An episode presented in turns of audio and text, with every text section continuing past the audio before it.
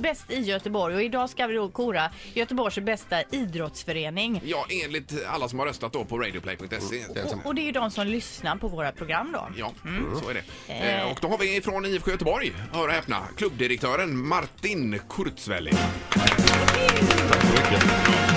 Eller man kan säga Martin också. Man Och det är alltså, b- årets förening blev ju IFK Göteborg i år då. Ja, Ja, det är fantastiskt. Ja, Det det är ju självklart jätteinspirerande och stimulerande på alla sätt. Och, och det visar ju bara vilket engagemang det finns för IFK Göteborg. Ja. Att må många som bryr sig om och visar kärlek till föreningen är ju fantastiskt. ja, det är ju jättekul ju. Härligt. Och för, förhållandevis ny klubb, klubbdirektör också. Ja, jag är ny sedan ett och ett halvt år tillbaka. Ja. Jag vet inte hur länge man är ny, men, Nej, men alltså, ett tag i alla fall. Ja, precis. Hur känns detta? Det är ju kolossalt roligt. Det är ju ett drömjobb. Ja, faktiskt. vad gör en klubbdirektör? En klubbdirektör ska se till att den dagliga verksamheten, den operativa verksamheten fungerar och att stödfunktioner runt om laget funkar. Så jag har ju, det är ju som ett litet, litet företag organisatoriskt med, för, med försäljning, med marknad, ekonomi, säkerhet och sen har vi produkten, sporten då om man ska eh, så att säga sätta termer på det från företagsvärlden. Så det är ju se till att allting funkar, att vi har resurser så att det fungerar med, med spelare och ledare och allting. Det är ett stort maskineri. Anställer du folk också sådär? Ja, det gör jag. Så att, eh, spelarna det är ju sportchefen Mats Gren. Jajamän. Och, och som har, men det är jag ju med. Vi har ett fotbollsutskott som, som har hand om rekryteringen av spelare. Och sen så är det då de andra sektionerna som jag nämnde här och de, de, det anställer jag ju. Så eh, när de vill köpa en ny spelare då kommer de till dig och så sitter du och tittar på saldobeskedet och säger det har vi inte råd med.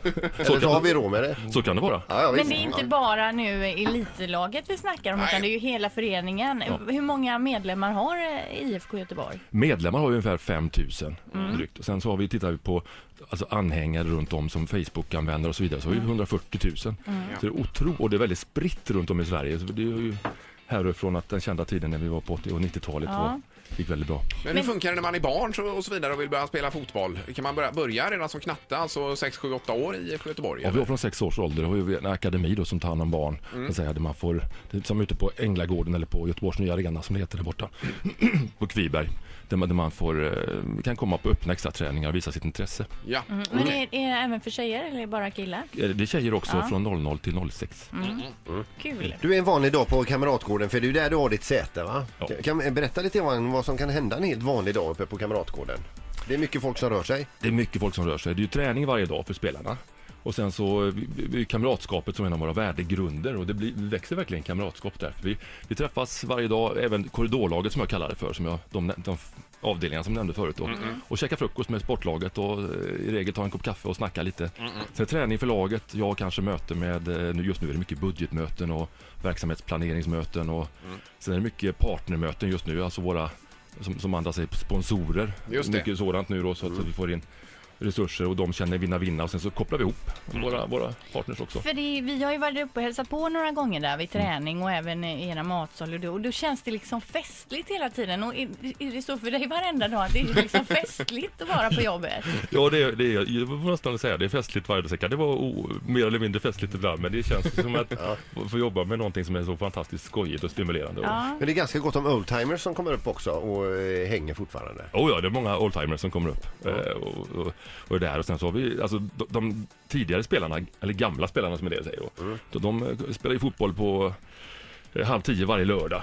Och det är till exempel Följet Berntsson som gjorde var Ja. VM. Jajamän. Han är 82, han spelar fortfarande. ja, det är ju grymt. Men runt det laget då är det, det är som ett moln av liniment. Det är mer än ett moln skulle jag säga. Ja, ska vi lämna över plaketten här nu till, till Martin och IFK Göteborg då? Ja, det får Peter göra Ja, här det gör då. du. Du gör det bra Peter, så att... Eh, Ja, som eh, framröstad eh, b- bästa idrottsförening i Göteborg 2014. Här har vi alltså, eh, varsågodo IFK Göteborg. oj, oj, oj. Då den här transitionen. Tack så jättemycket. Ett poddtips från Podplay.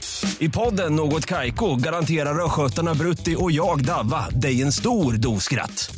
Där följer jag pladask för köttätandet igen. Man är lite som en jävla vampyr. Man har fått lite blodsmak och då måste man ha mer. Udda spaningar, fängslande anekdoter och en och annan arg rant. Jag måste ha mitt kaffe på morgonen för annars är jag ingen trevlig människa. Då är du ingen trevlig människa, punkt. Något Kaiko, hör du på Podplay. Därför arkadeinerna.